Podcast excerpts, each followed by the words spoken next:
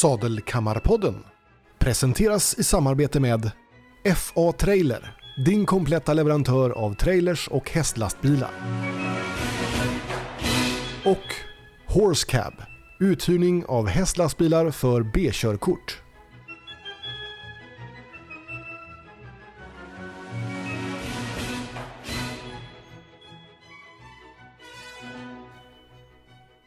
Hej och välkomna till eh, Sadelkammarpodden. Idag eh, har vi mycket matnyttigt framför oss. Vi har Team Gorgiev här och det är Ellen, Annika Gorgiev och deras tränare EG Haking som vi har framför oss. Välkomna! Ja, välkomna! Tack ska ni ha. Mm, tack tack. för att vara här. jättemycket. Ja, vad är Team Gorgiev? Kan vi eh, få en liten beskrivning av det här kanske? För att eh, ni är ju inte bara Ellen som är den som sitter till hästen utan ni har ju en, en hel del bakom också. Ja, vårt team består av mig som ryttare, Ellen Gorgiev, Mm. och sen min mamma Annika och tränare EG Haking.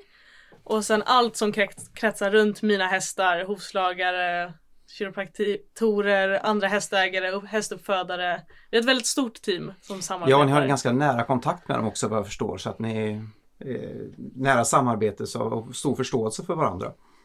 Ja, jag tycker alla är väldigt delaktiga på ett bra sätt. Eh, Hovslagaren är väldigt eh, dedikerad sitt arbete och har lagt mycket stor tid och möda över hovarna som är väldigt viktigt och hon eh, följer upp och eh, vi har bra dialog med henne. Hon heter Bridget och eh, ja, Ja, för just att ha bra fötter det är ju en grundförutsättning för att kunna lyckas med hästeriet också. Det är otroligt viktigt att man kommer bra överens med sin hovslagare. mm, hon har skott våra hästar i tio år nu så att det känns som ett bra förhållande till henne. Skönt att ha, veta att det fungerar. Sen har vi även då uppfödarna som är väldigt delaktiga i våra hästar. Eh, Vi har köpt våra hästar från eh, Värmdö och närtrakterna och eh, de är väldigt ja, måna hur det går för deras hästar och uppfödningar och man kan ta del av vad som har varit och så. Så det är bra. Ja, de har inte bara lämnat över en häst utan är med, de är med här fortfarande och följer vad som händer och Ja. har en dialog. De vill gärna vara med och ta del av allting. Mm. Men det är ni som äger dem till 100 procent? Ja, ja. vi äger dem. ja. För ibland kan det ju vara att man är, har kvar uppfödarna i någon slags ägardel då. Eh, nej, vi äger dem men Ja, de är Men de fortfarande är med ändå. på, på banan hela tiden. Ja. Och eh, ja, som sagt var, det är ju ett helt team. Men eh, vad har ni då för hästar i teamet? Vi har eh, ja, mina egna hästar som är tre stycken. Mm. Då har vi Kelvin Klein TD som är en svenskuppfödd häst som nu har gått upp till 1,35 hoppning. Och han köpte vi som fyraåring. Eh, först hade vi honom för till inridning och inhoppning och sen eh, så köpte vi loss honom Mm. som fyra och ett halvt åring. Och nu är han 11 år. Ja. Ni föll för honom helt enkelt? Ja, han, Ja. Fick, Ja. han fick ett stort, eh, han hade ett väldigt stort hjärta så att vi kunde inte Åh. lämna tillbaka honom. Härligt. Och sen har vi Vem är han efter? eh, Careful Cortege, Ja, jag är så nördig med stammarna. Ja, tyvärr, det sitter hårt. Och sen har jag en, ett sto som heter Constanza Rose som är efter eh, Turbon Rose. Converted 2 Turban Turban Rose. Mm. Ehm, och hon köpte vi in som femåring av eh, uppfödaren Ja. som är våran kompis som fortfarande är en del av teamet. Eh, och eh, hon har gått upp till 1,35 hoppning också. Och sen har vi en, eh, en ny inköpt här som vi har haft i ett och ett halvt, två år. I ett år. Ett år.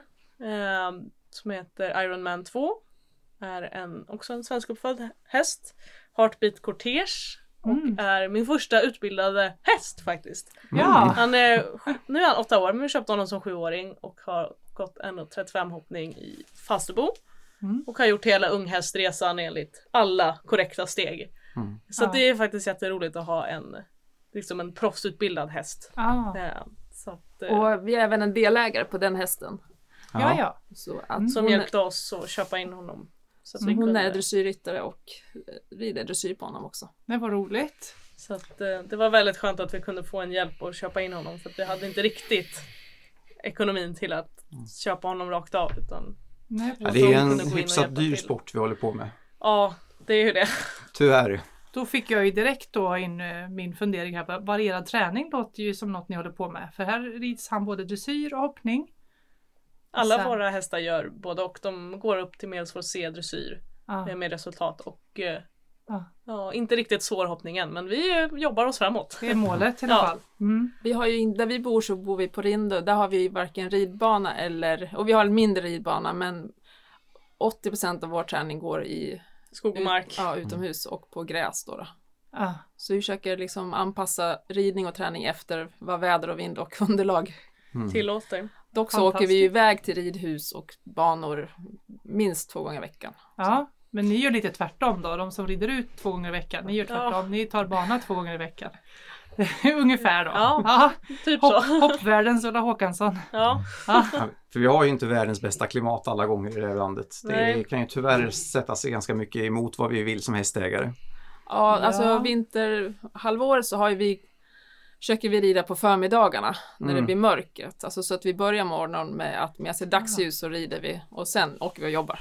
Ja, ja, ja. Så ni har den möjligheten att lägga jobbet senare båda Ja. två? Ja. ja. Ja, det är nästan en förutsättning när man har det som ni har det. Om man ska Ja. komma någon vart med satsningen också. Ja. Så, Mm. Men, Men eh, nu pratade vi lite grann om eh, ridhus och ridbanor. Då kanske vi kommer in på eh, EG Hawkins som är med oss här också, eran tränare. Ja, hur ofta träffas ni?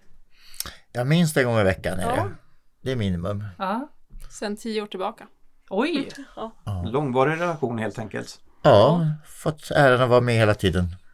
Det är ju roligt. Ja, då var ju är du, superkul. ursäkta att vi pratar ålder, men då var ju du... Tio år. Tio år. Ja, han- ponnyryttare Ponnyryttare ja.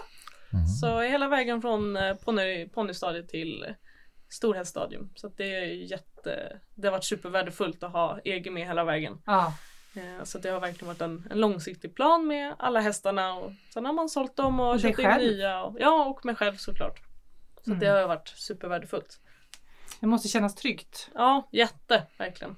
Ja, för då har du fått kunna följa utvecklingen hela vägen som sagt och du ser verkligen resultat på och utvecklingen för Ellen också då. Jag får stå till svars för allt vad som är. Precis! Ja, Ja, så kan man också se det. Ja. Nej, men, och som tränare måste det ju vara riktigt roligt att få se den här resan. absolut. Oh ja. Mm. Och att inte... Det finns ju elever, mig själv bland annat, som kanske hattar runt lite bland tränare ibland. Ja, jag började ju för länge sedan och eh, när jag sålde min ridskoleverksamhet eh, så blev det att jag hade hand om fyra stycken team. Så att jag bara sysslade med att träna dem. Ah, du, ja, men du var ganska tidigt ute med att lägga upp ett annat tänk. Ja, Ja, så att jag, jag tog efter lite grann av eh, Björn Borgs eh, upplägg med en egen tränare som han hade med Lennart Berlin. ja just det. Men jag, för att finansiera det hela eh, så hade jag fyra stycken eh, ekipage som jag jobbar heltid med. Oj. Och då, då la jag grunden till det här men det blev ju ett väldigt stort engagemang och eh, ganska tufft. Ja, det är klart. Men eh, jag lärde mig en hel del av det. Att ta de här vardagskonfrontationerna eh, konfrontationerna som det ofta blir med ett förhållande som är lite mer intimt. Ja, Eh, ja du hade inte bara en Nej, utan, utan då var det smekmånadsperiod och så var det konfliktperioden och så blir det rehabperioden och så vidare. Därför har man lärt, jag har ju lärt mig väldigt mycket Ja, av det och då har jag kunnat bistå Ellen en hel del ja. av de kunskaperna också. Ja. Kan, kan vi bara passa på att presentera, de, många vet ju vem du är men kanske inte alla. Presentera lite grann mer om Ja, vad du har gjort och Jag förstår hela att du är din bana. utbildad på Strömsholm, har drivit ridskola, jobbat mycket mot ridskolor också. Ja, eh, med flera ridskolor ja. Eh, En av de första certifierade tränarna. ja. Jag var med från början. Där. Ja. Ja. det stämmer. Vad kan man säga mer? Ja, jag, jag vet inte vad jag inte har gjort inom hästvärlden. kanske lättare att börja i den änden. Var det... Eh, så jag, jag har hållit på i över 50 år brukar jag säga i, i manegen. Så Mm. att jag har varit med hyfsat länge. Och eh, självklart så har man ju själv varit inspirerad av, av lite nytänk, ny, sådana saker och eh, hämtat inspiration både ifrån Sverige och utomlands. Mm. Och eh, även hämtat från andra idrotter som jag tycker är ganska viktigt och där, där, Mm. där hamnar ju på ett tidigt stadium på någonting som heter ETU, Elittränarutvecklingsprogrammet på Bosön. Ja. Där tog man olika förbundskaptener och, och elittränare från olika idrotter för att man skulle samlas och lära sig av varandra och titta lite grann över, över gränserna och då kände jag mig väldigt handikappad som kom från hästvärlden. Ja. För jag kunde ju allt om häst men inte någonting om ryttaren eller, Ja. eller individ, idrottaren. Precis. Och då blev det nytänk. För det är just det att det här är ju en sport där man har två individer. Du har ju ryttaren och du har ju hästen att ta hänsyn till och det är inte alltid det bara klickar. Det är som med vilka människor som helst. Man passar inte med alla och Nej. det är ett samspel som ska till. Men vad, vad tycker du själv har varit de största utvecklingen de här 50 åren så fall? Är det några stora förändringar som du upplevt i som man kanske tog som en sanning i början men sen som man har fått omvärdera på resan? Ja, mycket har ju varit det här från, från den militära tiden Mm. och sen går det över till den civila där det blev lite, eh, lite eh, gränslöst på vissa ställen. Ja. Eh, Och så tog man inte vara på den gamla kunskapen och den börjar komma tillbaka nu. Så nu börjar man liksom se till kunskap på ett annat sätt. Och framförallt att man kan ta in kunskap från olika håll just i det här teamtänkande. Ja. Att man hämtar experter från hovslagerier och från veterinärbiten och mental coaching och eh, fysbiten och hela För det var vi också Ja. inne på i ett program vi pratade med Charlotta Lindgren hur viktigt det är att eh, terapeuter samverkar. Just att Ja, det är inte, hon sa just det, hur viktigt det är att du har ett team omkring dig. för det är ju Och inte att bara de att de, pratar med varandra dessutom, för det är ju inte det vanliga. Ja, För veterinären är ju inte allsmäktig ofta utan du behöver kanske kunskapen från en ytterligare terapeut med, som är muskelrelaterat eller om det är tänderna och så här. Så. Hovslagare. Fast Hovslagaren. hon poängterar att det är bra om veterinären le- leder liksom Ja. teamet. Om man nu tänker fysiologiskt bara. Plus att man ska se helheten för att vi kan ju ha en diskussion hemma liksom. Kan inte du känna på det här benet? Känn hur den hästen känns när du rider. Jag tyckte så. Mm, Så man har en diskussion. Man är inte bara ensam i sitt eget precis. fundering utan man kan diskutera eller eh, bara att man känner att hästen känns lite stel i höger. Kan du rida och känna efter om du tycker likadant så kanske vi måste Ja. gå vidare med det här. Eller bara någonting jag tänker är i onödan nu. Det är ju väldigt värdefullt för man, man blir lätt hemmablind och man kan, bli, man kan också inbilla sig saker. Eh, säger jag som expert på det då. Ja men att man verkligen är både uppmärksam på allt vad hästen är, liksom, hur den går och hur den är allmän uppsyn och ögon och Ja, hur, precis. hur allting är, är i stallet och kör man bara på sitt race och är en person. Jag gillar att du Så- säger med allmän uppsyn faktiskt. För det vet jag Det- inte om vi alla tänker på alltid. Att checka in det det första vi gör. Nej, Men och, här, här är ju någonting som jag tror att EG kanske har lite mer erfarenhet som eh, åldern och visheten. Att här har väl ändå ändrats en hel del med just hur vi tar tillvara på hästens signaler under de här 50 åren. Eh, även om man hade hästkännedom även för 50 år sedan så är vi mer ingående inbillar jag mig idag. Men stämmer det? Ja absolut. Eh, Det tycker jag. Mm. Det vi tar ju hjälp på ett helt annat sätt. Det har blivit en, en stor ekonomi i hästsporten och det, det har ju florerar ju väldigt mycket olika eh, terapeuter och allting där ute som man behöver ha hjälp av idag. Men en del till, till ondo kanske men mycket har ju varit till godo vill jag tro i alla fall. Ja, sen är det ju det här med att ödmjukheten är ju så pass otroligt viktig. Tar vi alla instruktionsböcker vi kan tänka oss som har skrivits inom hästvärlden så finns det ett ord som går igen hela tiden och det är ödmjukhet. Mm. Eh, och det är lite klyvet det här med, med ödmjukheten för att en, en bra idrottare ska ha ett litet ego också. Ja det måste man ju ha om man vill komma någon vart. Ja, och, men samtidigt med hästarna så behövs det ödmjukhet. Precis. Och ofta är det så att man har den ena, en ryttare har den ena dominant. Ant, antingen är man extremt ödmjuk, nästan till dumdristighet, eller också så är man vinnarskalle till, eh, dum, till dumhet nästan.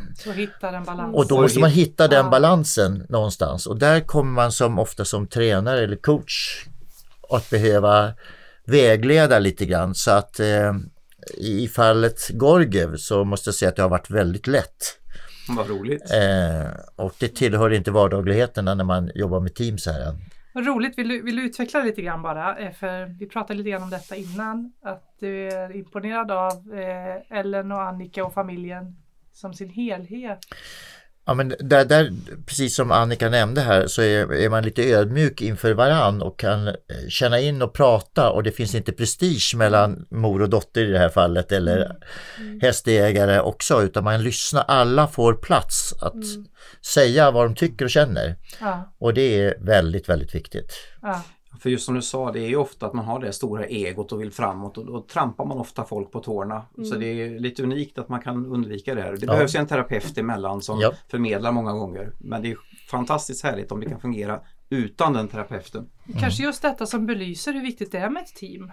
Ja, jag har ju fått jättemycket hjälp av teamet. Det är inte så att jag har varit den, den mest ödmjuka personen så, utan jag har haft ganska mycket problem, särskilt när jag var tonåring med frustrationen och vilja komma framåt. Fort och vilja utveckla hästarna och, och samtidigt som man går i skolan och man känner att man inte hinner. Jag har inte blivit nedstämd utan mer frustrerad Ja, eh, och forcerad. Och då har jag verkligen haft ett bra team som har sagt nu får du tagga ner, lugn och ro. Eh, hästarna ska skötas och ridas.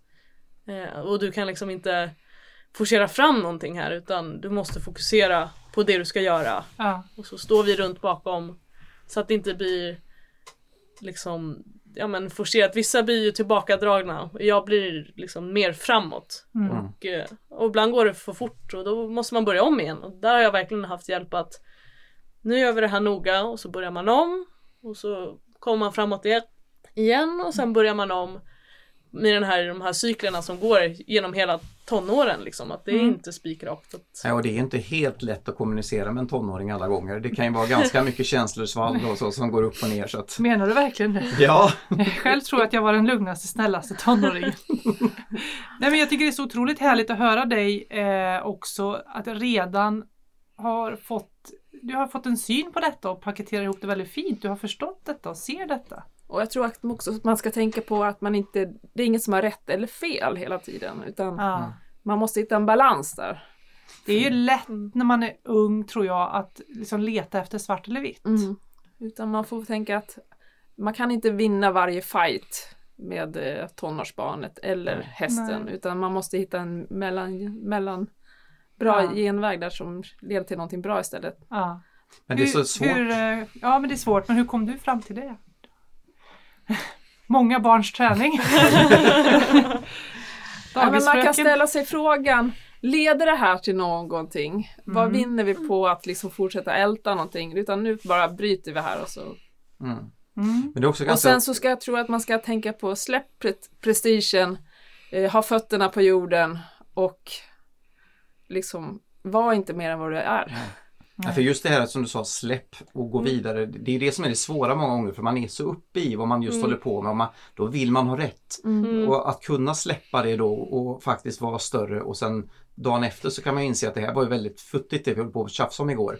Så att, Ja. Men för stunden så kan det vara väldigt svårt att eh, inse det. Så det är stort av er att kunna få ihop det i en familj och hela teamet. Ja, och man ska i- tänka på att just under tävlingsdagen så ta inga konflikter, varken med häst eller Nej. barn. Nej. Nej, Utan packa hem och åk hem då om det känns fel. Mm. För att det Ja. kommer bara förstöra saker. Ja. Och, och om det har varit en dålig tävlingsdag av olika faktorer att eh, alltså jag har ju blivit riktigt frustrerad när man känner att man inte kommer framåt på tävlingen och allting går bara emot. Och så har man liksom taggarna utåt mot mamma eller pappa eller den som står på läktaren och liksom ska coacha. Och så frågar liksom mamma, ah, men då vill du sälja hästarna är det inget kul? Och då säger man, nej vi ska inte sälja hästarna. Då säger nej, Nej. då är problemet löst. Ja. Då får du liksom Enkelt och koncist. då åker vi hem, Ja. du får lugna ner dig annars så är det inte kul så ryker hästarna liksom. Ja, nej men det... Och då har man liksom verkligen, ja men då får man vara tyst och så får man sitta ner och så får man fundera en stund. Det verkar vara en bra, bra framgångsfaktor och Mm. bra bildande i teamet. För vi hade ju eh, förra programmet pratade vi med Anneli Borg som också pratade om sitt team som var lite mindre men det var ändå ett starkt team och hennes pappa var väldigt tydlig med redan under ponnytiden att och, eller hennes unga satsning att eh, det här ska vara roligt annars skiter vi i det. Ja men verkligen att det inte ska läggas över på någon annan utan att det är du som har ridit och, och eh, det är du som får stå för resultatet. Jag lägger ingen värdering i det Nej. utan vi åker hem och jobbar vidare mot dit vi ska nästa gång. Mm. Ja, för det ska ju vara roligt. Det är det det handlar om. Ja verkligen. Ja, och det är vi skyldiga eh, alla runt omkring oss. Vi är skyldiga vår häst det. Vi är skyldiga dem runt omkring oss i teamet det, tycker jag. Ja, verkligen. Ja, Eh, framförallt vi är skyldiga hästen det, för hästen har ingen talan i det här. Hästen får följa med. Vi, vi köper in en häst. Eh, Det är vi som tar hand om den och det är vi som talar om vad den ska göra och då måste man se till att det här ska fungera, ett samspelet ju. Ja, De har ju ingenting att säga till om annars. det man de, glömma de bort- vet inte vad de kostade liksom. Nej, de precis. ingen De vet inte hur viktigt det här är. Men eh, det man inte får glömma bort är också att många hästar, om vi nu pratar tränings och tävlingssammanhang, älskar det här.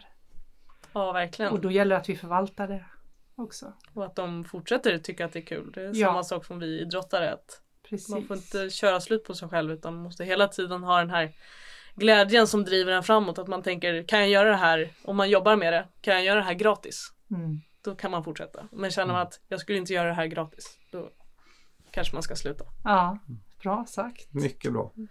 Och ni gjorde ju någonting, en, en väldigt häftig satsning här hela teamet med förra året med att åka ner till Spanien. Ja, det var en resa. Vi åkte ner och tävlade i... Själva resan tog ju då oss fem veckor, men själva tävlingsperioden var tre veckor i Spanien, där i Valencia. Mm. Och vi var där i februari månad innan coronautbrottet där. Så Ja. vi hann hem och En väldigt speciell på- tid Ja, måste jag... Slanka hem på bananskalet Ja, helt enkelt. verkligen. Vi var lyckligt ovetande när vi åkte hem att vi hade Ja. vad vi hade väntat på oss framför oss.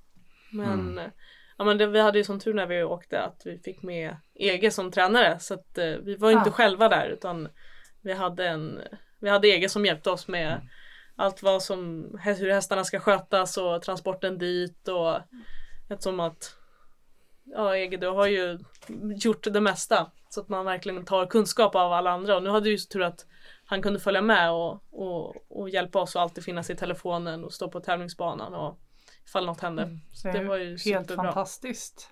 Men ni drog ihop fler och åkte ner så att det var ju inte bara ni som åkte på den här resan. Ni gjorde en liten häftig satsning tycker jag. Vi Ja. var, det var två till ryttare med deras team också som åkte med så vi fyllde en Sex- sex hästars lastbil med släpkärra Ja. ner. Det är så smart för det är inte det lättaste att göra den här satsningen och då hittade ni en kreativ väg på att ja, men om vi åker eh, några stycken så kanske vi kan få detta att gå i lås. Är det så? Ja, och vi att man hyrde är... ju själva C-kurslastbilen och även hyrde in en chaufför så vi delade på den kostnaden ner. Mm. Och sen så gjorde vi en, en ungefärlig kalkyl på vad det skulle gå på per häst för att vara där nere och tävla i tre veckor då, med boende för både häst och oss människor. Och tävlingsavgifter. Och ni lyckades få den till att stämma den kalkylen också någorlunda eller? Ganska hyfsat. Ja. Det är bra gjort. Det är bra gjort. För det är ändå det var ju första försöket. Men Ja. kommer det Ja. bli att ni gör någon retur på det här? Ja, vi vill gärna åka ner igen. Det här året vart det ju då med det här abortvirusutbrottet som vart i Valencia så var vi ju väldigt glada att vi inte var där nere. Mm. Men äh, absolut så är vi sugna på Ja, att för det har inte varit gång. lätt att ha, hålla på med hästriet i Europa det här, de här sista tiden. Nej. Abortvirus och coronautbrott och Men det har inte skrämt er alltså? Eh, I år har det skrämt oss. Ja. Vi har varit, känt oss ganska skönt att vi var isolerade på våran ö. Mm. Men från april månad så var vi ute och tävlade igen. Mm. Så, eh, men man är ju väldigt man kanske inte väljer att åka och ställa upp hästarna på tävlingsplatser där man vet att det är stora tältstallar utan man väljer tävlingsplatser där man vet att Ja. här är vi ganska liksom kan hålla oss på egen kant. Man börjar tänka till Mm, lite ja. hur ser det ut eh, på själva hästdelen också. ja. Eh, hade du också fler ryttare med dig eller var du bara, eller var du Ja, jag hade flera ryttare med mig. Det var Ja. meningen att vi skulle åka ännu flera men det här var ju ett första försök att få dra ihop flera. Så att eh, nu i slutändan så blev det tre stycken team som åkte ner. Eh, och man kan säga just det här med smittan lite grann att eh, förr var det väldigt mycket mera isolerade eh, uppstallningar. ja. Nu har det blivit tack vare att det är så många sådana här långa cirkusar så att blir alla under ett tak. Så att det är inte konstigt att det blir lite eh, alltså den här smittan. Så jag var lite chockad själv över att, att man drog ihop så många eh, olika hästar från under samma tak. Men eh, jag tror att det kommer bli förändringar på det här framöver. ja, vi kommer nog ha en helt annan värld. Får i hoppas att det, liksom, det blir lärdomar. Nu är tuppen igång här väldigt mycket. Vi får nog vi får ta en liten paus och gå ut och prata med tuppen lite tror jag.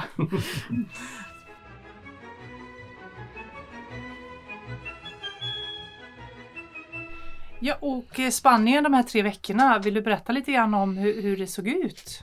Eh, Ja men det var ju verkligen en upplevelse både hästmässigt och eh, på individplan med hela teamet som var där och familjemedlemmar och, och rodderi och hur det funkar utomlands med internationella tävlingar.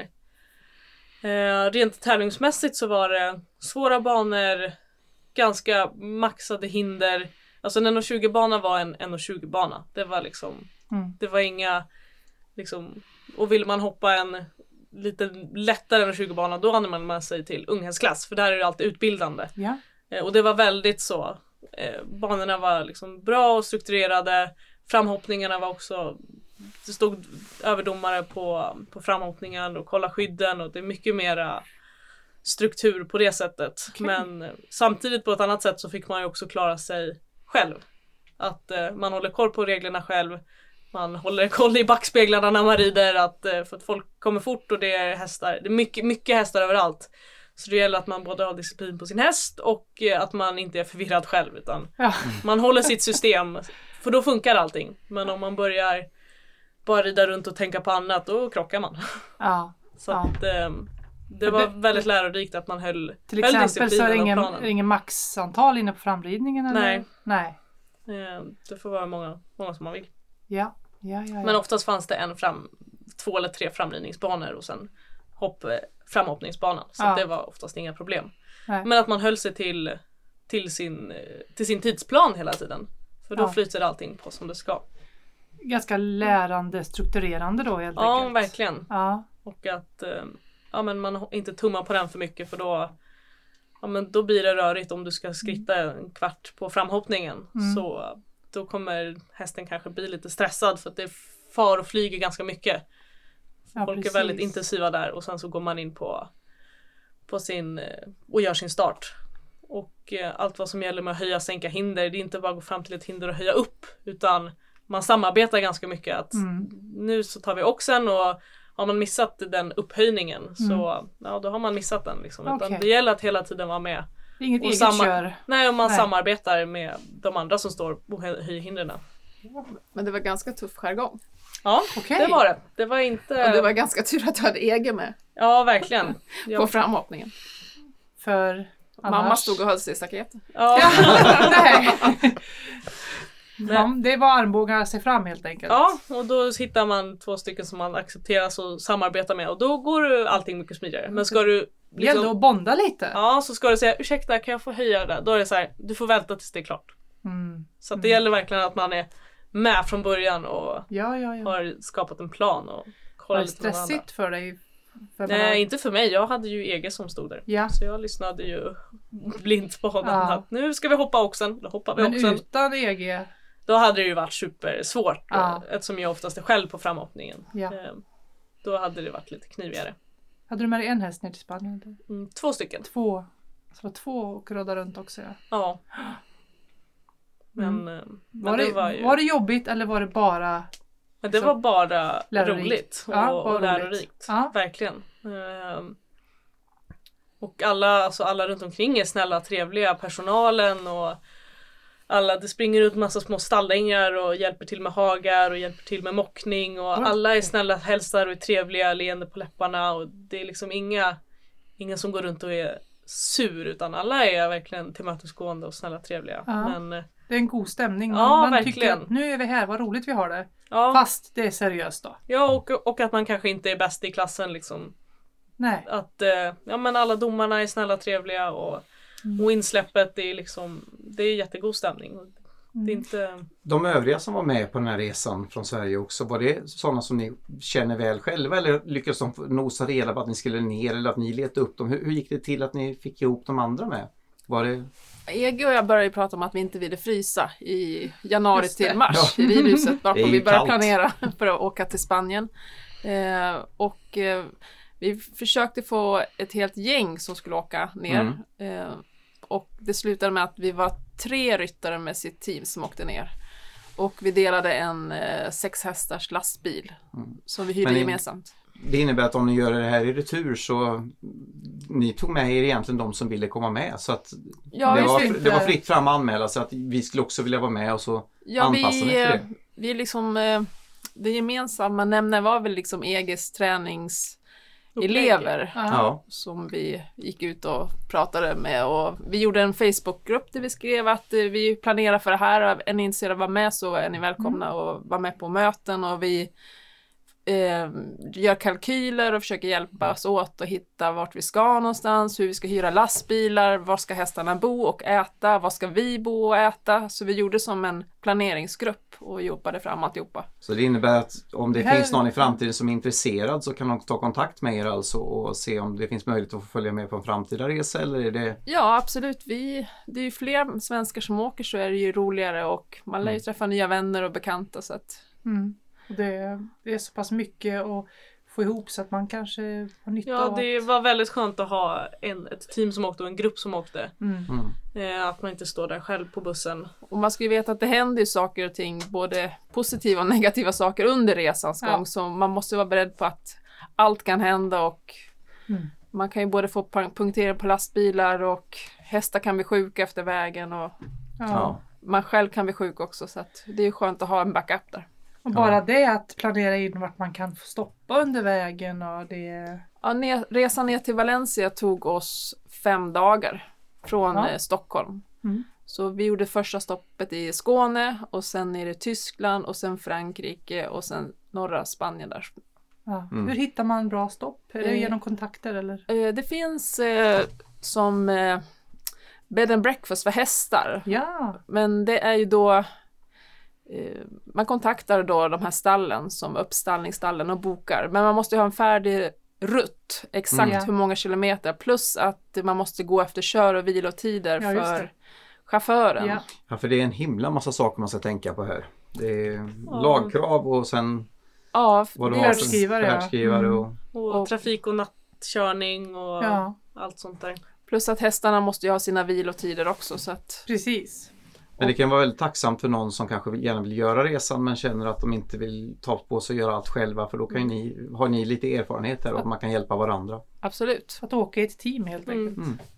Kan man säga så? Ja, verkligen. Och att man litar på dem man åker med. Att, eh, för det var inte så att, vi var ju tre stycken eh, ryttare som åkte. Det var inte så att jag bara tog hand om mina hästar. Nej. Utan eh, hästarna står i den ordning de gör på bussen och en kryper in, ser till att de får vatten och Mm. eh, någon form av energi. Inte hö då utan någon form av mash-blandning Mm. under tiden. Och då är det samma för alla hästarna och när vi lastar ut mitt i natten, alla går upp och det är, det är samma rutin på alla, Mm. alla Mm. sex eller se- sex hästar som är Det är också en styrka. Att ensam är Ja, inte stark utan Att man litar på åt. varandra, att alla hästarna sköts likadant. Mm. Och, Hur mådde alla hästarna då? Kom de fram pigga och fräscha? Eh, Ja, det skedde tyvärr en olycka med Mm. en av mina hästar. Som när vi var i Tyskland så, Fick den kramp? ja den fick kramp. Vi hade stått i köer. Vi hade hamnat liksom i köer och det stod helt still. Ja. Det hade varit olika. Och då fick hon, hon stod längst ut i bussen och hon fick kramp i, i låret på, Mm. på ena benet. Och eh, alltså om hon står längst ut så kan hon inte bredda ut bakbenet. Okej. okej, Så när hon tappade balansen så kunde hon inte bredda ut det benet som hon inte hade kramp på. okej. Så att hela hennes bakdel, hon liksom fick panik och, och la sig ner med rumpan och så kom hon inte upp. Ja. Så hon står ju och, och trampar eh, för att komma upp och sen kommer hon upp och så hittar hon balansen och sen så fort vi kanske vi svänger eller bromsar in lite så börjar de få panik igen. Alltså hon kan inte stå och då blir de ju superrädda. Tufft. Jag, jag skulle ju fått panik. jag det var förstår hur det måste ha Ja, känts. det var faktiskt jättejobbigt. Och, ja, men jag försökte ju gå in till henne och hon stod ju med en lucka så att det var en 50 centimeter där jag kunde stå och försöka hålla upp hennes huvud.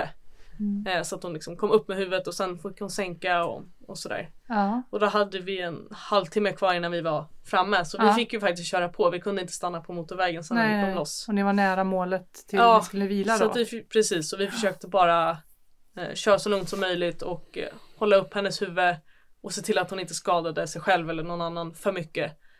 Eh, Hur gick det sen då? det gick bra. Hon, hästen bredvid var ju också min som tur var. Ja. Eh, ifall det hade hänt någon skada. Mm. Men han var helt eh, helskinnad och de hade back on track skydd bak Ja. som var höga. Så det var väldigt tur då för som hon satte ihop sina två bakben Mm. och sen så trampade hon på sig själv. Ja, ja, så bakskydden tog faktiskt allt. Annars... Hade det inte varit skydd så hade det varit mycket sårskador där. Ja exakt och jag åkte ju med skydd för att det var första gången de skulle åka en sån lastbil. Annars brukar jag inte ha skydd Nej precis. i trailern för att det kan bli varmt och sådär. Ja. Men den här gången var det tur att jag hade det. Eh, men hon kom ut så fick vi ut henne på lastbryggan när vi skulle få ut henne. Eh, hon kastade sig inte ut utan hon stod lugnt Ja. så länge hon hade balans. Men när vi skulle ta ner henne från bryggan så, så trillade nästan hela bakdelen ner. Mm. Men då hade vi ju han chauffören där, han har ju åkt jättemycket. Så han tog henne och sa hon måste gå bara. Okej. Så då, det var ju jätteskönt att jag hade någon som, hade varit där förut. ja. Och, Med lite erfarenhet. Ja, så han bara, för jag bara gud vad ska jag göra? Han bara, men ut och gå. Så att det var bara att springa iväg med henne tills att benen kom igång och hon fick cirkulation i bakbenen och Mm. krampen släppte. Och det blev inga bestående... Nej, hon drog av sig, slet av en sko. Ja. Eh, Men det fick vi sätta på där i Valencia sen. Och, eh, och en trampskada, men han hjälpte mig linda om det också. Så att, eh, det var jätteskönt att vi hade en erfaren chaufför som Ja. hade varit med om hästolyckor och sånt där innan. Det gäller att de har tillräckligt brett att stå helt enkelt. Ja, ja men verkligen. Ja. För när de står i mitten av bussen så kan de bredda båda bakbenen. Ja. Men står de längst ut så kan de bara bredda ena. Ja, ja, ja. Så då kanske det är bra att liksom byta plats? På... Ja men exakt, så Ja. jag tänkte nu kommer hon inte gå på bussen igen dagen efter men hon traskade på in och så ställde vi henne i mitten och så stod hon lugnt hela vägen. Mm. Så det var verkligen att hon fick kramp och inte kunde bredda ut, Mm. hitta balansen. Men eh, i sån, och det var ju väldigt traumatiskt liksom. Men, Ja, alltså precis vad liten man måste känna sig. Man är inte i Sverige. Man har en hästlastbil. och det står tre, Så man inte- liksom, flera hästar som kan men- börja Ja. panika Ja. och sådär. Men vi hade ju även en ryttarolycka sista veckan med en, en av ryttarna som åkte av och vred om knät ordentligt. Aj, aj, aj. Aj, aj, aj. Så Det är spansk sjukvård.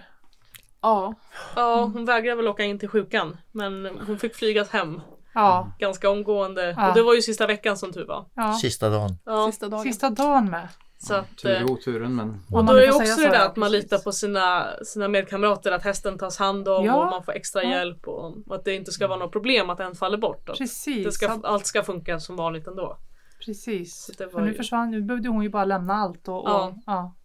Verkligen. Blev det bra det sen är ju också knät? hästmänniskor vill ju inte gärna vara skadade. Nej, Nej, men återställd med knät. Ja nu Ja. ja. Mm, Men det tog, Det tog. Ja. tog en tid. Mm. Alltså sånt här, eh, det, det kanske en del tänker på men jag själv skulle ju kanske inte riktigt tänka på alla eventualiteter så. Nej och det gjorde inte vi heller och att då ha erfarna Men människor precis, med teamet. som vet precis Mm. vad de ska göra Mm. är ju så värdefullt. Ja, verkligen. Eh, men ehm, och sedan de här tre veckorna, de gick fort förstår jag. I- Ja, jättefort. ja. Och lärorikt. Man Och, tävlade hästarna eh, så det är fredag, lördag, söndagar tävlas hästarna. ja, just det. Och det är en regel som säger att du får inte starta hästarna mer än tre dagar på en vecka. Nej. Så eh, vi hade oftast vilodag på måndagar. Eh, då hästarna, man går med hästarna och så. Ja. Eh, och då gjorde vi även lite utflykter vi allihopa. Ja. Vi åkte ut upp i bergen och besökte lite olika saker i Valencia där. Härligt. Och ehm, sen så joggas det på där man är på själva tävlingsplatsen där det finns ridbanor och tränar och EG hade lite träningar, liksom markarbete. Ja. Och ehm, så vilar man på liksom och laddar inför man går kanske igenom vad man har tävlingarna som har varit och filmer och tittar. Och sen lägger EG upp eh, en, en ridplan efter Mm. tävlingarna som inte sliter utan som kompletterar kanske ryttarens missar i, under tävlingshelgen. Ja. ja. Så det var ju superbra. I Analys och direkt, Ja. direkt liksom. Så det var ju superbra. Mm. Ja, det är ju ganska trevligt att träna och följa med i Spanien kan jag tänka mig. Lite, lite bättre än att stå i kalla Sverige då. Det, Ja, visst är det det. Jag gjorde en lite break så att jag åkte hem och körde några dagar hemma. Ja, det är inte bara, det är klart Nej. livet Ja. fortsätter ju där hemma. Ja. Familj, trä, Ja. elever som inte följer med. Ja, precis. Ja. Så jag gjorde en snabb, men jag hann tillbaka precis så att jag kom till, Starten. till fredagens eh, första klass. Mm. Det är imponerande. Eh, jag förstår att det måste vara skillnad på A och O så verkligen. Eh, framtiden nu, plan och målsättning är någonting vi kan snudda vid det. Så det, jag vet Ja. att ni har Eh, vi har ju våra hästar och sen har jag några andra hästar som jag hjälper till och tränar och rider. Och jag är väl mest van egentligen att rida unghästar.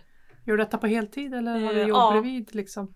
Nej. Eh, jag jobbar bredvid också. Det gör du också? Ja. Eh, men jag gör så mycket som jag kan. ja. Och nej men målsättning, mm, målsättningen för mig är att utveckla framförallt mina hästar då och sen de hästarna jag får in som är i träning.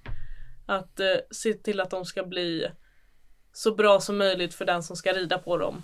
Att rida. Mm. Att, eh, att de inte bara funkar på tävlingsbanan utan de ska funka i, som ridhästar framförallt. Ja. Till, ja för det är inte bara sportryttare som lämnar hästar till mig utan framförallt så är det ju privatpersoner som vill ha sin häst tävlad och riden så att de sen kan tävla och rida den. Mm. Eh, Så det är mitt absoluta mål att skapa en, en, en hållbar, eh, vad ska man säga, ett hållbart system för hästen Mm. att lämna över till den som nu ska rida på den.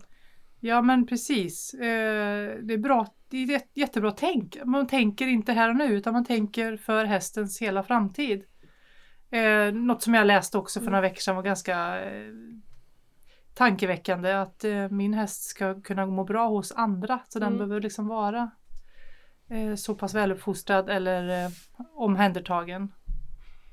Eh, men, eh, och dina tävlingshästar, du har hela tre stycken att hålla igång då, som alla är i full gång. Ja, det är ju, jag rider ju alla dem och sen hjälper Annika rider minst lika Ja. mycket som jag gör. Så Du eh, har ju det mamma, är ju super, superhjälp. supertalanger. Ja, så det är jätteroligt. Och, men vi kan bolla och prata och mamma tävlar dressyr och hoppa lite grann och, ja. och det är bara bra. Ja, för det är något som har fastnat i Mm. mitt dressyrskadade huvud. Att jag, eftersom jag har följt det på Facebook ett tag. Att jag såg att eh, du hade fått någon placering i dressyr och blev genast vaken. Men Ja. vad häftigt! Ja, det är ju att Det har gått ganska mig- bra vet jag i Ja men jag har ju liksom tävlingen är inte det viktiga utan det är bara att jag ska ha ett mål med min träning. så precis. då sätter jag upp en tävling, att då har jag ett datum och Få lite kvitto på vad man har Ja. arbetat Ja. på hemma. så Ja. då stämmer jag av liksom. Så att det är inget, det är mest en hobbygrej där bara. Mm. Min egen. Vad roligt! Och så Men- rider ni ut väldigt mycket. Då, Ja. För det har vi pratat om innan. Eh, och jag ser ju att ni, ni tränar i backar en hel del och olika nya miljöer om jag har förstått rätt. Ja, det är en ständig uteritt. Så Ja. det, man lär sig ju, alltså man blir ju kreativ. Man trimmar på grusvägarna efter förhållanden. Man klipper egna gräspaddockar och banor och, Mm. och jobbar med det man har. Och sen för mig är det liksom inget konstigt att sitta och göra seriegaloppbyten helt- på en grusväg. Det Ja. är liksom inga konstigheter. Nej. Lastar ni även hästarna och åker iväg till nya, eller är det bara till ridhus?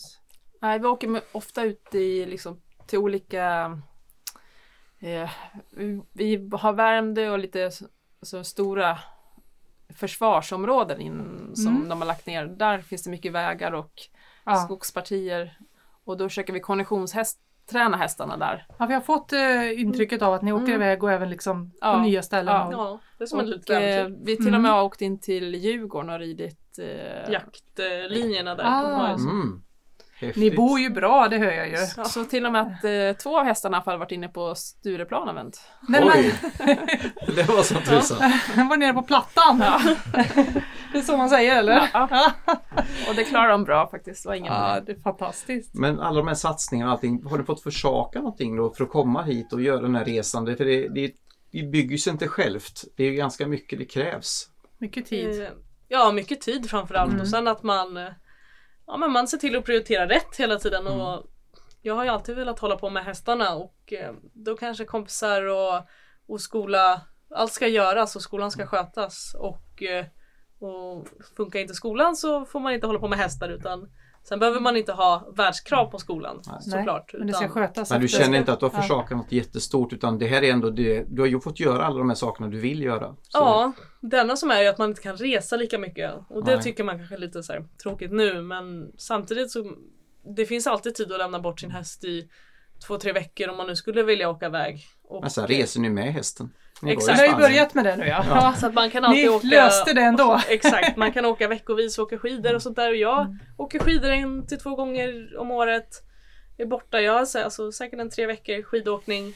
Men det är väl för att ni har ett bra team. För om jag Ja. nu får personlig då, så jag har jättesvårt att komma iväg. Eh, svårt att lämna över, är väldigt mycket själv.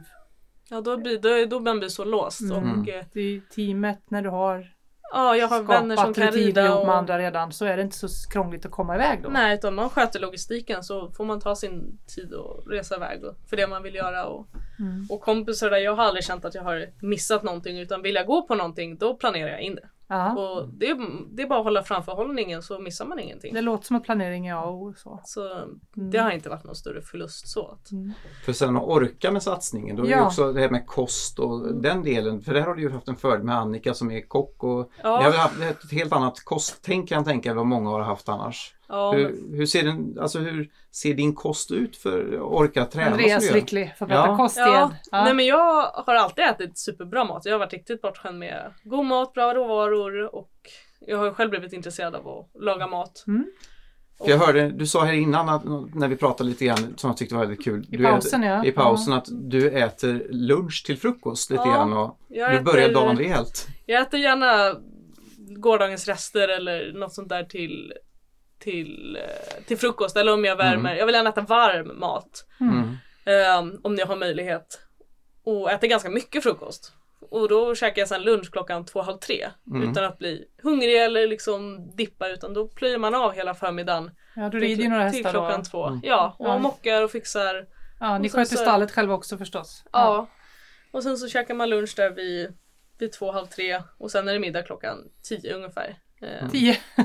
Ja, ni, jobb- nio, tio, ja. det är liksom beroende ni jobbar ju, ni har ju senare jobb också förstår jag. Så Ja. ja. Så att eh, vi varierar. Så att det är ju liksom, så då pendlar jag liksom både mellan jobb och hästarna, liksom olika timmar på dygnet liksom. Mm. Så att jag placerar ju om hela min dag beroende på vad jag ska göra. Om jag ska jobba på förmiddagen eller eftermiddagen. Ja. Årstid och... Ja, om hästarna ska gå då och då. Och, så att eh, det är ju en planeringsgrej. Planering Mm. igen. Ja. Ja men planering igen och sen att äta måste man göra. Man kan liksom inte, alltså det är jättestor skillnad på om man inte har käkat ordentligt. Alltså du blir dippad och hungrig och det blir inget bra. Och, Nej. Så att det är verkligen viktigt att man äter liksom bra och Mm. mycket mat så att man inte går och småäter. Ja, det går Ja, ju men- inte att hålla på på tomma batterier och tro Nej. att man ska kunna prestera på topp. Det Nej, som är bra att ha i kylen det är ju liksom ägg, bacon, avokado Mm. Lite nötter och sånt där ja, och sallad och så här Mm. standardmiddag hos oss det är att vi steker på liksom surdegsbröd, lägger på sallad, kanske någon majonnäs, ägg Mm. och sen en god korv eller någonting. Det är, liksom, Ja, det är middag ja. på tio minuter och sen Mm. äter man och sen är det tack och godnatt så. En patentare kallar vi det här hemma. Exakt. står, ja. Och det, Det är är, det är alltid gott och det och Eller man har alltid en påse nötter i lastbilen Ja. så att om man liksom, ja men som innan träning så då är det ganska bra att ta en näve bara ja, eh, precis. innan man går in. Nej, för just att kosten behöver inte vara ett bekymmer. Den kan faktiskt göra riktigt Mm. näringsrik och bra mat på väldigt kort tid. Ja, Det, det behöver inte vara ett stort projekt. Nej. Det är Sen- bara man har rätt grejer hemma som du sa. Ja. Och sen brukar vi när vi åker på tävlingar så brukar vi tillsammans med andra familjer som också tävlar så brukar vi göra så att vi vet att vi ska vara där tre dagar och se att vi tillsammans kanske blir 8 till 10 personer så gör vi att vi bestämmer på fredag fixar du middag till alla och lördag fixar du middag till så då gör vi upp som matschema. Så Så smart.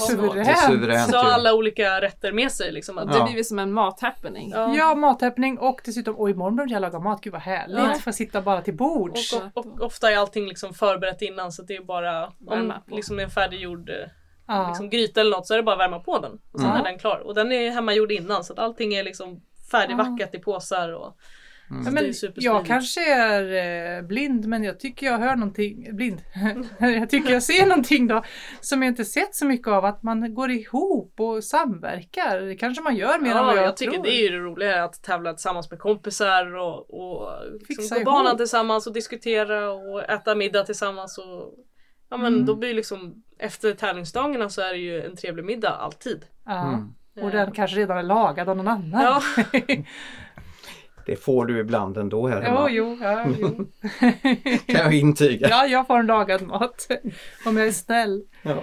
Men, eh, då, ja, men då har ni planering som en röd tråd. eh, Men även nätverkande och teambildande, kan man säga så? ja verkligen. Mm. Och att ni har haft samma tränare som ni trivs och utvecklas fortfarande väldigt bra med. Vi har ju ett träningskoncept med, med EG Ja. att, eh, som vi har haft nu i tio år och att Och att ha sin fasta bas med en grund och sen kan man absolut grena ut lite och ta lite input från nya ögon, från kanske lite extra uppsatta ja, men hoppryttare, tränare Mm. eh, Mm. som kanske är lite för dyra för att träna på till vardags. Men som man kan få de sista godbitarna liksom i, i sin, eh, sin träning. Mm. Så att, att Och det tycker du är helt okej Ege, att man är lite otrogen ibland? Abs- Jag ser inte som otrogen, Nej. jag, jag ser det som ett sunt tänkande. Precis. Och jag tycker att det kan till och med vara bra ibland att få andra ord Mm. på det som jag säger. Mm. Precis. hel- helikopterperspektiv och se utifrån andra ögon vad Ja. man håller på med. Absolut. Mm. Eh, Sen, sen är jag ju väldigt noga med att man ska ha en, en bra grund innan man åker iväg så att man inte gör ett lapptäcke av allt sammans med Ja. olika saker från olika tränare. För att ibland har jag ju råkat ut för att Jaha, nu tränar jag för den, nu gör jag så. Ja, ja, ja. Man ändrar hela sitt... Man ändrar hela Ja. sitt tänk och det, det är ju inte det som det är meningen. Nej, precis. utan eh, att man jobbar efter ett, en eh, långsiktig plan och har en tränare och sen så kan man spä på som Ellen här, spä på med vissa tänk. Mm. Vi brukar även skicka filmer från ja, från de träningarna. Ja, åh vad roligt. Det är ju Det är väldigt ju- lärorikt. Jag tycker ju själv det är så himla roligt att få in lite olika nya ögon och så. Men jag är alltid lite, lite blyg inför att berätta det för min standardtränare. Men det är kanske jag som gör fel helt enkelt. För här vill du till och med se och ta lärdom ju. Ja. Absolut. Ja, av vad hon har gjort och vad... Och jag försöker alltid fråga, hur, vad sa han? Vad fick du med dig? Ja, Eh, eller hon. Eh, så att eh, hela tiden man kan gå vidare från, från det. Och ibland säger den tränaren nå- någonting sånt till Ellen här och då kan jag säga, ja men hon menar nog så här. ja. Och så vidare. Fantastiskt att få en, en trans Ja, men man- translation där också. ja men man måste alltid ha en bra kommunikation och Ja. att som EG, du rider ju inte längre. Och det, ibland kan det vara ganska bra att träna för någon som har sin ridning aktiv Mm. och liksom och som kan eh, nästan demonstrera liksom Mm. eh, antingen man går på clinics eller något sånt där så det Ja. är ju supergivande Mm. och eh, förklara hästtyper och allt sånt. Mm. Så det är supergivande att ha sin bastränare och sen så plockar man lite russin ur kakan hos eh, de kanske lite, lite mer extraordinära dyrare träningarna. Har ni behövt ändra någonting stort under vägen tänker jag rent alltså. Det är ganska, inte alltid man behöver det men om det har varit något stort så kan Vi- det vara Vi har omvälvande. ändrat på en häst Mm. eh, som har alltid gått bra på både tävling och träning men han blev kollad i munnen och eh, där var det en hel del grejer att han hade super super vassa tänder och långt bak och vargtänder och även fast han är snabbkollad hos en Ah. tandläkare innan. Ja, Men alla tandläkare är inte tandläkare Nej. som är tandläkare. Nej. Ehm, och det fick vi verkligen uppleva att det var inget som hade gjorts fel Nej. men det hade snarare in, inte gjorts någonting. Precis det har vi varit på den själva så det vet jag ju Eh. mycket väl. mm. Och, ehm, då, och det var faktiskt vår kiropraktor som upptäckte det. Okej. Vi tog in en ny kiropraktor som även är återförsäljare för vårt foder. Eh, och han kände lite och sa det här sitter i munnen. Och så tog vi ut en tandläkare och började, han fick ju en chock när han såg hur det såg ut här inne. Han bara hoppar den här hästen ens? Men jag sa ja han hoppar, det är inga problem. Bara, man borde inte hoppa. Snäll häst. Ja. Mm. Ja. Ehm, så han blev fixad i munnen och sen så fick vi en kiropraktor som liksom har haft en, en långsiktig behandlingsplan med honom. Ja. Och den behandlingsplanen har gått så, så bra. Jag har fått en ny häst, han hoppar större, högre och bättre och han är, är liksom så explosiv och har kommit loss i hela ryggen och nacken för han har, varit, Okej. han har aldrig kunnat sänka huvudet på grund av tänderna. Så nu ser du alltså det som var bra förut. Det har ju liksom blivit en, Okej. en extra Ja. boost. Verkligen. Fick ni ändra även bett och så? För att, Eh, nej bettet var, vi rider på vanligt tredelat och vi varierar mellan tredelat, Mm. eh, vanligt rakbett och Mm. tvådelat med så lock-up funktion. och det behövde ni inte ändra på utan det var själva Ja. jobbet. Exakt. Mm. Och eh, den här behandlingsplanen går ut att ändra hästen hela sin, sin rörelsemönster så kommer det komma en liten dipp. Och den dippen blev att han, man får ta det lugnt i träningarna. Det är inte Mm. bara hoppa högt, stort och mycket utan hela tiden det här att han ska bli bekväm i sin nya rörelsemekanik. Mm, viktigt.